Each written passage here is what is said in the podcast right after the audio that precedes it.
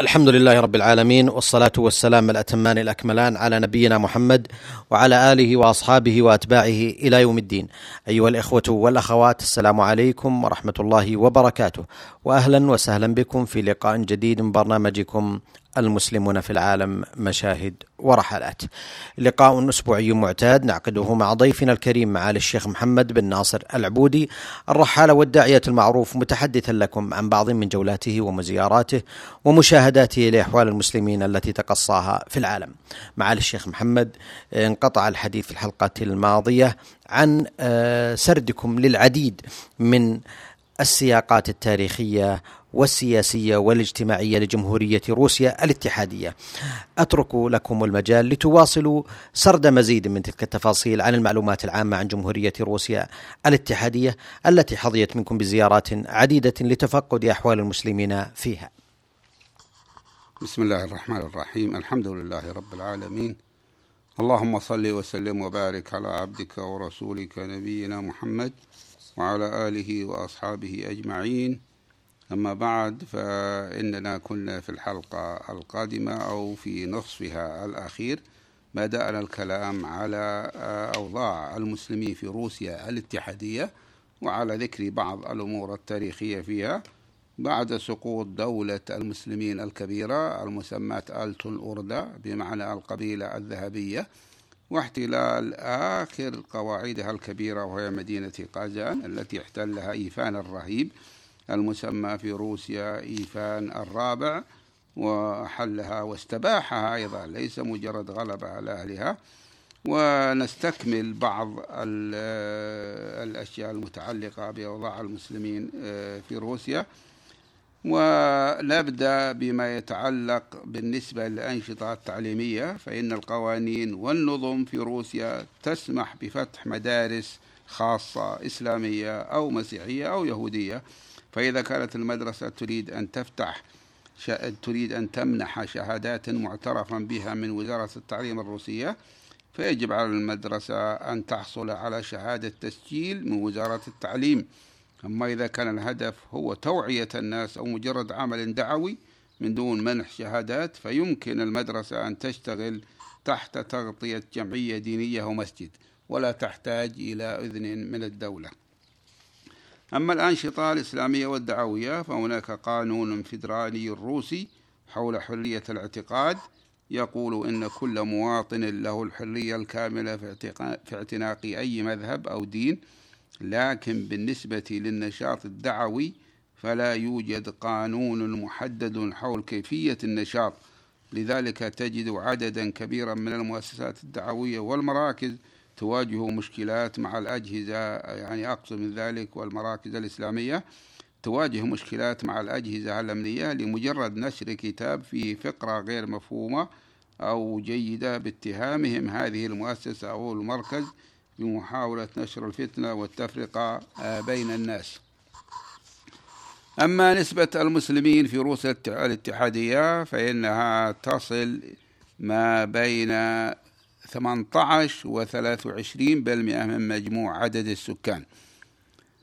فروسيا دولة أوروبية آسيوية تبقى الطائفة الإسلامية فيها هي الطائفة الثانية من حيث تعداد السكان يعني بعد النصارى الروس الذين هم الأكثرية والذين مذهبهم النصراني الأرثوذكس. وهو مذهب لا علاقة له بالمذاهب النصرانية الأخرى بأنهم يكفرونهم كل جهة تكفر الجهة الأخرى في القديم.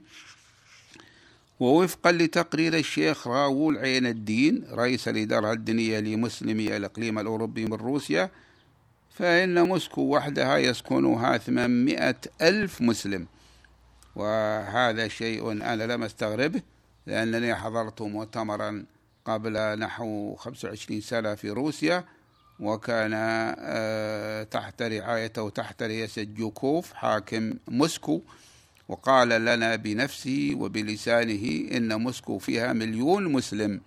ولذلك حرصت يقول على انعقاد هذا المؤتمر لأنه يتعلق بمواطنينا المسلمين لأنه هو حاكم موسكو. أما روسيا بعامتها فيسكنها ما بين 18 إلى 23 مليون آه، من السكان المسلمين. وعادة ما تبنى حسابات عدد المسلمين على أساس المعطيات الخاصة بعدد السكان الأصليين فيما يسمى الأطراف الإسلامية في روسيا الاتحادية. بينما لا يوجد طرف واحد من أطراف روسيا الاتحادية ليست فيه جاليات إسلامية كبيرة أو صغيرة لا أذكر أنا أننا وصلنا إلى أي مدينة أو وصلنا إلى حتى قرية كبيرة إلا ونجد فيها أحدا من المسلمين. لا نجدها خالية تماما. لماذا؟ لأنه كانت هنالك هجرات من داخل روسيا. روسيا الاتحادية روسيا كبيرة آه، بلاد كبيرة. والمسلمون أصبر من غيرهم على آه، سكن البلاد الباردة الأقسام الباردة. لذلك يذهبون إلى حي روسيا لتحسين دخلهم. فيجد الإنسان في أي مكان في روسيا حتى في أطرافها يجد مسلمين بين عدد مهم يكون لهم جمعية ومسجد وبين أناس ليس عندهم طموح ولم يؤسسوا مسجدا أو جمعية. وأما بالنسبة إلى بعض الجمهوريات الداخلية في آه، داخل روسيا بموجب التقليد باعتبارها جمهوريات إسلامية فإنها معروفة ومشهورة مثل تتارستان وبشكيريا وداغستان وانغوشيا والشيشان. وربما نذكر بعد ذلك تفصيل الحديث عن هذه الجمهوريات الإسلامية. هذه الجمهوريات الإسلامية أنشئت ليس معنى إسلامية أنها تسير على ما يأمر به الإسلام أو على ما الطريقة الإسلامية ولكن لأنها لأقوام من المسلمين. أقوام تاريخهم إسلامي وهم من المسلمين القدماء وأنشئت لهم لتكون تعويضا عما كان الروس المستعمرون الزمن القياصرة قد أخذوه من بلادهم لأنهم أخذوا هذه البلاد وضموها إلى روسيا والمسلمون في روسيا. الاتحادية المسلمين في روسيا الاتحادية يتألفون من عدد كبير من القوميات بحيث تختلف كل قومية عن الأخرى من حيث العادات والتقاليد واللغات ويوجدون في مناطق مختلفة في جميع أراضي روسيا ويمكن تلخيص كل ذلك فيما يلي. القوقاز الشمالي جمهورية داغستان فيه جمهورية داغستان والشيشان والانغوشيا فيه جمهورية داغستان والشيشان وإنغوشيا وأستيتيا وقبردين وبلكاريا وقراشاي وشركاسيا وأيديغيا. وفي هذه المناطق يوجد عدد كبير من من القوميات حيث أن جمهورية داغستان وحدها توجد فيها قوميات كثيرة لكل قومية لغة على حدة. حتى بلغ عدد اللغات في آه، داغستان سبعا وثلاثين لغة. وهذا أمر آه، مقرر ومعروف وهو عجيب كثرة اللغات في آه، داغستان. السبب في ذلك أن داغستان اسمها معناه بلاد الجبال داغ جبال وستان بلاد. وهذا باللغة الفارسية لأن الروس كانوا يحكمونها قبل لأن الفرس كانوا يحكمونها قبل الإسلام.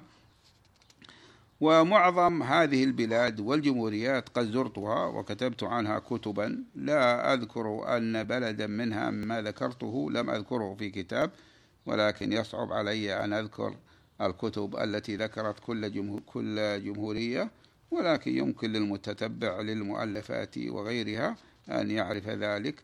أما الجمهوريات الأخرى فكان الشيشان يمثلون أكبر عدد من المسلمين قبل الحرب في جمهوريتهم.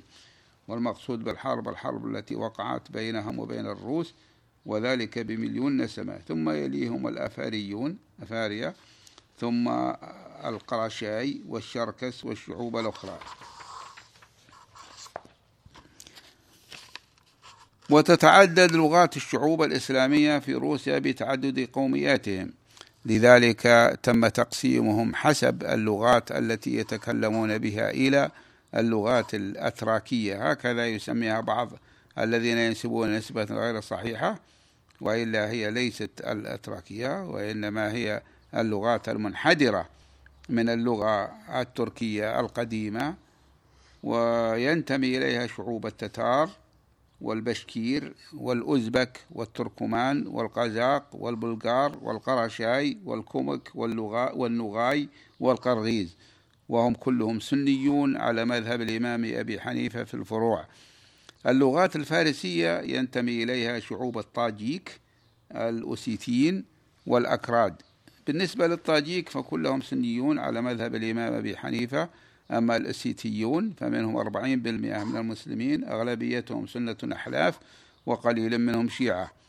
واللغات الإيديغية وهي اللغات الشركس ينتمي إلى شعوب الشركس الإيديغي والقبرداي وهم كلهم سنيون أحناف. اللغات القوقازية الأخرى ينتمي إليها شعوب الشيشان والأنقوش والداغستانيين حوالي عشرين قومية وأغلبيتهم سنيون على مذهب الإمام الشافعي يعني أن كلهم من المسلمين وإنما دخل وصل إليهم الروس في زمن الحكم الروسي من البلاد الداخلية لروسيا وإلا قبل الروس كلهم مسلمون وفيهم قليل من الشيعة ولكن ليست لهم أهمية وتنتشر فيهم الفرق الصوفية بكثرة خاصة في داغستان. والتعليم في تعليم للمسلمين في هو تعليم والتعليم في روسيا هو تعليم علماني سواء كان للمسلمين أو غيرهم. هذا في في المدارس الحكومية وفي دور التعليم الحكومية. فالتعليم الإسلامي موجود في عدد من المدارس في المناطق الإسلامية يعني في هذه الجمهوريات. الإسلامية فيها مدارس حكومية تدرس مبادئ الدين الإسلامي ولكن هذا على نطاق ضيق لأن الأساس في روسيا أن الدولة لا تتدخل في الدين ولا تدرس أمور الدين لعامة الناس. أما اللغة العامة الوطنية فهي اللغة الروسية. فهي هي اللغة الوطنية لجميع مواطني روسيا الاتحادية. والقوميات الأخرى ومنها قوميات المسلمين. تحتاج يحتاج بعثها إلى جهود كبيرة وإمكانيات عظيمة لا يقوى المسلمون عليها الآن ولكن يمكن لهم أن يحافظوا عليها عن طريق استعمالها في مناطقهم. أما مشكلة المسلمين الذين يعيشون كأقليات في المدن الروسية الأخرى فإن أغلبيتهم نسوا لغتهم الأم. حتى عند الكلام ناهيك عن الكتابة والقراءة في حين أن أن لغات الشعوب الإسلامية هذه القديمة في روسيا فيها ثروة ثقافية غنية جدا وبضمن ذلك الثروة الثقافية التي تتصل بالإسلام الأمر الذي تخلو منه اللغة الروسية طبعا. واللغات القومية تتضمن الأسماء الإسلامية والكلمات المأخوذة من القرآن والسنة النبوية باعتبارها كلمات أصيلة باعتبارها كلمات أصيلة في هذه اللغات. في حين تكون تلك الكلمات عرب غريبة على اللغة الروسية ولا تجد فيها الجهاز الاصطلاحي المناسب. هذا هذه هي المشكلة أن المسألة ليس من يتخذ اللغة الروسية من المسلمين. لغة له أنه انتهى الأمر فقط ولكن معناه أنه نسي لغته الحافلة بالتعبيرات وبالثقافة وبالدلالات التاريخية على تاريخ المسلمين وقديم إقامتهم في بلاد الروسية. فمثلا تمتع الداغستانيون بميزات عالية بالمقارنة مع الشيشانيين والأنقوش ولم يكن بوسع تتار القرم أن يعملوا في شغل أي مواقع مرموقة في حين كان تتار الفلقة ينتسبون أعلى هياكل الدولة في أعيان كثيرة. والسبب في ذلك أن تتار الفلقة اختلطوا بالروس منذ عهد قريب منذ عهد بعيد وصار منهم الموظفون الكبار والإداريون. وضعف أيضا معرفتهم الدين وعملهم بالدين ضعفت أيضا. فصاروا قريبين من الروس لا يبعدون عنهم كثيرا. كما أن لروسيا مشاركة فعالة في قمع الحركة الإسلامية في طاجيكستان حيث وقفت إلى جانب النظام الشيوعي هناك وكذلك إبال الحرب في البوسنة والهرسك وكذلك حرب البلقان الأخيرة. يعني روسيا لها موقفان. الموقف الأول تمليه السياسة والمصلحة في الظروف العادية وهذه تظهر التقارب مع المسلمين ومثله التقارب مع المسلمين في داخل روسيا. فنجد الآن أن حكام روسيا يهنئون المسلمين في المناسبات ومنهم الرئيس بوتين هو أول من فعل ذلك وأشاعه. ففي المناسبات دخول شهر رمضان والأعياد يسارع إلى تهنئة المسلمين وكذلك في المراسم والمناسبات يجعلون للمسلمين مكانا بارزا. ولكن داخل روسيا وباطنه أو داخل الثقافة أو الإدارة الروسية إذا حصلت حركة إسلامية يشمنها أن المسلمين سيكون لهم مكانة فإنهم يسارعون إلى قمعها أو يسارعون إلى الوقوف ضدها. ورغم كل هذه المشكلات للمسلمين إلا أنه يوجد وسط المجتمع الروسي عدد كبير من الذين تحولوا من الديانة النصرانية إلى الإسلام وهذا أمر عجيب. خاصة أن هناك شريحة كبيرة من الروس لا يؤمنون بجميع التعاليم النصرانية فيما يتعلق بتقديس المسيح كإله. يعني يعتبرون الإله يعتبره مذهبهم فهم لا يوافقون على ذلك. ويشعر المرء في السنوات الأخيرة المرء منا يشعر في السنوات الأخيرة أن مقدمات قد نضجت لنشر أو لنشر أوسع للأفكار الإسلامية وسط المجتمع الروسي. علما بأن الدعوة الإسلامية الموجهة لغير المسلمين لا توجد بصفة منظمة وعملية بالقدر الذي يطمح إليه كل مسلم غيور. صحيح أن المسلمين لا يمنعهم أحد من أن يتوجهوا بالدعوة إلى الإسلام إلى الروس الآخرين ولكن هنالك موانع ثقافية وسياسية آه، تحد من ذلك. لا أقول تمنع منه ولكن تحد منه. والمسلمون المقيمون في روسيا من حاملي الجنسيات الروسية. هؤلاء ليست عندهم مشكلة ولكن هنالك المسلمون الذين انتقلوا إلى روسيا من مناطق أو من دول الاتحاد السوفيتي السابق لا يزالون يلاحقون من الشرطة الروسية ويضيق عليهم. وكذلك مسألة اعتناق الروس للإسلام آه، لا يزال آه، هذا آه، تعتوره بعض المشكلات أو المصاعب وهذا أمر طبيعي.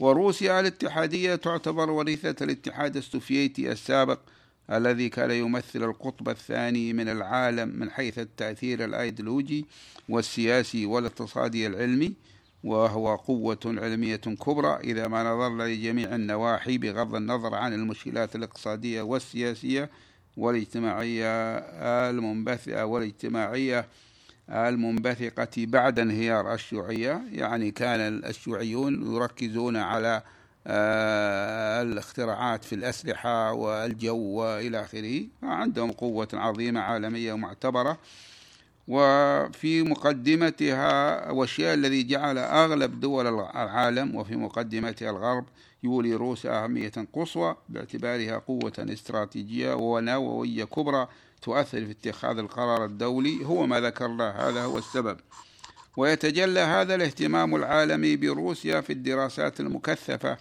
التي تقوم بها أكبر مراكز البحوث حول طبيعة سكان روسيا وقومياتها المتعددة التي. التي تتجاوز 200 قومية وحول المسار الاجتماعي والسياسي المستقبلي لهذا البلد من أجل اتخاذ الإجراءات اللازمة وتوجيهها في صالحهم. هذه هي نظرة الغرب وهم يعملون على ذلك. ولكن ماذا عنا نحن المسلمين؟ الواقع الذي أعرفه وأنا أعمل في رابطة العالم الإسلامي كنت أعمل فيها أن أنه كان للرابطة عمل عظيم في روسيا وكان لنا علاقات مع كبار الشخصيات من المسلمين. فكنا إذا أردنا أمرا من الأمور ونحن لا نريد إلا أمرا إسلاميا خالصا لا نريد شيئا لنا آه، أوعزنا إليهم وعاملوا ما يستطيعون واستطعنا أن نحصل على ما نريد وعلى ما يريدون هم لأن نظرتنا آه، ونظرتهم إليهم إلى الأمور واحدة. ولكن في الوقت الحاضر خلت آه، روسيا الاتحادية من أي عمل لرابطة العالم الإسلامي منذ عشر سنوات وحتى الآن. وإذا نظرنا للخريطة الجغرافية والسكانية لروسيا, لروسيا فإننا نجد أن معظم أراضي روسيا الشاسعة موجودة في الشرق بحيث تمتد من أوروبا الشرقية عبر آسيا الوسطى إلى أقصى الشرق عند حدود اليابان والصين. وإذا ما نظرنا لهذه المساحة الشاسعة نجد أن أغلبيتها محاذية للعالم الإسلامي. هنالك جملة معترضة أرجو أن يعفو عني الأخوة. المستمعون إذا ذكرتها وهو أنني زرت آه، الشرق الروسي البعيد وألفت فيه كتابا. سميته في الشرق الروسي وطبع هذا الكتاب وفيه معلومات كثيرة عن المسلمين في الشرق الروسي. والشرق الروسي يقع إلى الشمال الشرقي من اليابان يصل إلى هذه الدرجة. بحيث أن الذي يكون فيه يرى اليابان إلى جهة الجنوب الغربي منه. المسافة كبيرة وقد قطعنا ثمان ساعات وزيادة من الطيران حتى وصلنا إلى الطيران المتصل. فتمتد آه، حدود روسيا الشاسعة تمتد من آه، أوروبا الشرقية عبر آسيا الوسطى إلى أقصى الشرق عند حدود اليابان والصين. وإذا ما نظرنا هذه المسافة الشاسعة نجد أن أغلبيتها محاذية للعالم الإسلامي. وهو الشيء الذي يحسب له الخبراء الغربيون ألف حساب.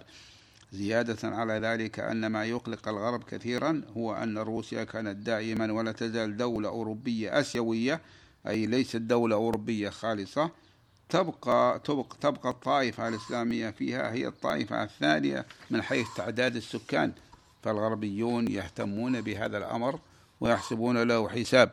فكل هذا يمكن أن نعتبره خصائص إيجابية للمسلمين في روسيا إضافة إلى عقلية المواطن الروسي حيث نجد أن أغلبية الروس يعادون الغرب لأنهم يعتبرونهم السبب في جميع الويلات التي حلت بالروس.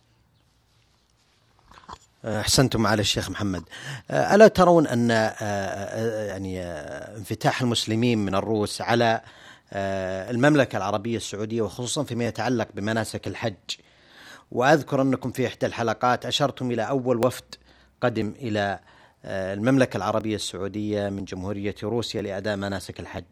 ألا ترون أن هذه أيضا وسيلة بزيادة العلاقة الودية بين المسلمين هناك وهنا. هذا صحيح وأنا ذكرت ذلك في السابق عندما كانت العلاقة قوية بين رابطة العالم الإسلامي وبين المسلمين في آه، روسيا. حتى إننا كنا نستضيف أعداد كبيرة من الحجاج من آه، روسيا ولنا اتصالات قوية. أما الآن فقد انتهى ذلك كله ولا أعرف أنه يوجد أي عمل لرابطة العالم الإسلامي في روسيا إلا إذا كان شيء لم اطلع عليه. وأنا الحقيقة في مركز الاطلاع وربما آه، أزعم أنني أعرف وأطلع عليه. أحسنتم على الشيخ محمد. أيضا آه، خلال آه، جولتكم تلك هل هناك آه، معلومات من الممكن أن يستفيد منها المستمع لهذا البرنامج عن جمهورية روسيا الاتحادية وأهميتها الاستراتيجية في العالم؟ أنا حاولت هنا أن أتكلم عن بعض ما كرمتم وذكرتموه. ولكن التوسع يحتاج إلى وقت بل يحتاج إلى أوقات لأن روسيا دولة كما قلت أكبر مساحة من المملكة سبع مرات وفي كل منطقة من مناطقها مسلمون. وقد يسر الله لي زيارة جميع مناطقها وكتابة كتب عنها وكذلك عن زعمائها وعن المساجد فيها وعن الوضع الإسلامي فيها. ولكن نذكر هنا أن الإخوة المسلمين الروس يقومون الآن بأنشطة دعوية وترتيبها من حيث الأهمية التدريس في المدارس الإسلامية وفي المساجد ترجمة وتوزيع الكتب الإسلامية بناء المساجد أو ترميمها إلقاء المحاضرات الدورات الشرعية الصيفية المخيمات الصيفية الدعوة عن طريق الإنترنت. كل هذه نعرفها ما عدا الدعوة عن طريق الإنترنت فربما يكون غيري أقدر مني على ذكرها أو بالتفصيل ولكن هذه الحكومة الروسية لا تمانع فيها والمسلمون يقومون فيها وعامة المسلمين بحاجة إليها وكنا نساعدهم مساعدة والآن المملكة تساعدهم لكن أنا أتكلم على آه، الرابطة. والآن المملكة لها علاقات معهم والآن المملكة بصدد قرروا قررت بناء على أمر خادم الحرمين الشريفين الملك عبد الله انشا مركز إسلامي في موسكو. سمى مركز الملك عبد الله للثقافة الإسلامية في موسكو. وحسب علمي أنه بدأ العمل به لأنه انتهت الموافقة عليه. ولكن أرجو لا أدري هل بدأ العمل به أم لا. هنالك آه، أيضا مناشط يمكن أن المسلمين يستغلونها مثل استغلال الإعلام الإلكتروني مثل التلفاز والراديو واستغلال المساجد للدعاة المخلصين وكذلك أيضا التجمعات وكذلك الصلوات تجمعات في المساجد والخطب في المساجد. هذه الدولة لا تمانع روسيا لا تمانع من إنشاء المساجد ولا تمانع من إلقاء الخطب في المساجد. اللهم إلا إذا كان أحد خطب ضد الحكومة الروسية وأنا أستبعد ذلك لأنهم يعرفونه والحكومة الروسية تعرفه. ومن ذلك أيضا الاهتمام بالشباب وبالمسلمين الجدد بعيدا عن الإجراءات الرسمية وذلك عن طريق عقد ملتقيات ومناشطات للشباب وكذلك استغلال الطلبة العائدين بالعلم الشرعي من المملكة والدول العربية. لأنه يوجد توجد أعداد لا بأس بها من الطلاب من روسيا. هؤلاء آه، إذا عادوا ينفعون وقد بالفعل جربناهم وقد نفعوا ولله الحمد ونريد زيادة منهم. والآن نذكر الجمهوريات والأقاليم المسلمة في روسيا الاتحادية. في روسيا الاتحادية تسع جمهوريات مسلمة ذاتيا مستقلة ذاتيا مسلمة وهي مستقلة وأنا مسلمة ليست كما قلت أنها تعمل بالإسلام ولكنها لأقوام من المسلمين. فهذه مستقلة استقلالا ذاتي وأغلب أو أغلب سكانها مسلمون وهي داغستان يقطنها أكثر من مليونين ونصف مليون مسلم. الشيشان قبل الحرب عام 1994 كان يسكنها ما يقرب من مليون مسلم. بقي منهم في الجمهورية الآن 700 ألف مسلم أغلبيتهم من النساء والشيوخ والأطفال. وأنغوشيا يبلغ عدد السكان فيها 400 ألف نسمة كلهم من المسلمين. وقبر الدين بلغاريا يبلغ عدد المسلمين فيها أكثر من 300 ألف نسمة. وإكراتشيافا من الشرق التشركيس يعني هؤلاء من الشركس عدد المسلمين فيها أكثر من 350 ألف نسمة. وإيديغيا أيضا يرجعون إلى الشركس يسكنها أكثر من 150 ألف نسمة. وأستيتا الشمالية فيها 50 ألف نسمة. وتتارستان وهي أكبر جمهورية مسلمة في روسيا. يبلغ عدد المسلمين فيها ثلاثة ملايين. وأعود لأكرر بأن المراد جمهورية مسلمة ليس المراد أنها تعمل بالإسلام ولكن أنها مخصصة لأقوام المسلمين. وبشكيري بشكيردستان ويقال لها بشقردستان وتأتي بالمرتبة الثانية بعد تتاريا من حيث السكان ومن حيث النشاط الإسلامي. ويسكن فيها ما يقرب من ثلاثة ملايين مسلم. أما العاصمة موسكو ففيها على أقل تقدير ما يقرب من مليون مسلم وهم عدد كبير. إذا أخذنا بنظر الاعتبار نسبة الولادات العالية عند سكان المسلمين بالمقارنة مع السكان من الأديان الأخرى. وهنالك أكثر من ثلاثة عشر مليون مسلم منتشرين في الأقاليم والمدن والقرى في القسم الآسيوي من روسيا كسيبيريا الغربية وسيبيريا الشرقية والشرق الأقصى وكذلك في المدن الواقعة في الجزء الأوروبي من روسيا. فالمسلمون في روسيا يتمتعون الآن بوعي إسلامي متفاوت نتيجة لما عانوه أيام القياصرة والشيوعية وعلى أي حال خلال الأعوام العشرة الأخيرة آه، تقوى لدى المسلمين الشعور بالانتماء إلى الأمة الإسلامية وتعمق لديهم الإحساس بامتزاج مفهوم الأمة والدين امتزاجا لا ينحل حتى أن المسلمين يشعرون بأنهم مستوطنون الآن ديار المسلمين. لماذا لنا بالفعل؟ هذه الديار ليست كل روسيا ولكن قسم كبير من روسيا أخذه الروس بالحرب من المسلمين في القديم. فالمسلمين لا يشعرون بأن هذه ديارهم. صحيح أنهم لا يستطيعون أن يقولون أنها ديارنا لنا ولا يستطيعون أن يجعلها مستقلة ولكن هذه ديار آبائهم وأسلافهم وقدمائهم وهم يسكنون فيها في غاية من الاطمئنان. أما المؤتمرات والاجتماعات الإسلامية فقد بدأت بالانعقاد فقد تم عقد المؤتمر الأول لمسلمي جمهورية بشكيرستان في عام 1992 وقد حضرته وألقيت محاضرات فيه ثم ألقيت كلمة في اجتماعات أخرى وقد آه، عقد تنفيذا لقرار اتخذه الأئمة ثم أسست الإدارة الدنيا لشؤون المسلمين بشكل مستقر في بشكل مستقل في مدينة أوفا عاصمة بشكيريا وتقوم هذه الإدارة بالإعتناء الخاص بنهضة الإسلام في هذه الجمهورية الموجودة في قلب روسيا. وتقوم كذلك برعاية أمور المسلمين فيها. وبعد ذلك عقدت مؤتمرات مماثلة في جمهورية تتارستان وفي المناطق المجاورة لنهر الفولغا وكل هذا نتيجة لنشاط ومبادرات الكثير من أئمة المسلمين هناك. وأصبحت المؤتمرات المذكورة والتي أسست فيها المراكز الدينية ذات الأصول الجديدة حوادث مهمة في حياة مسلمي روسيا كما ذكرت. أحسنتم معالي الشيخ محمد في ختام هذا اللقاء. أتوجه بالشكر الجزيل بعد شكر الله سبحانه وتعالى إلى ضيفنا الكريم معالي الشيخ محمد بن ناصر العبودي الرحالة والداعية والباحث المعروف متحدثا لكم عن بعض من جولاته وزياراته ومشاهداته لأحوال المسلمين في العالم. نلقاكم أيها الإخوة والأخوات على خير في مثل هذا اليوم من الأسبوع القادم. وهذه تحية من محدثكم محمد بن عبد الله مشوح. السلام عليكم ورحمة الله وبركاته.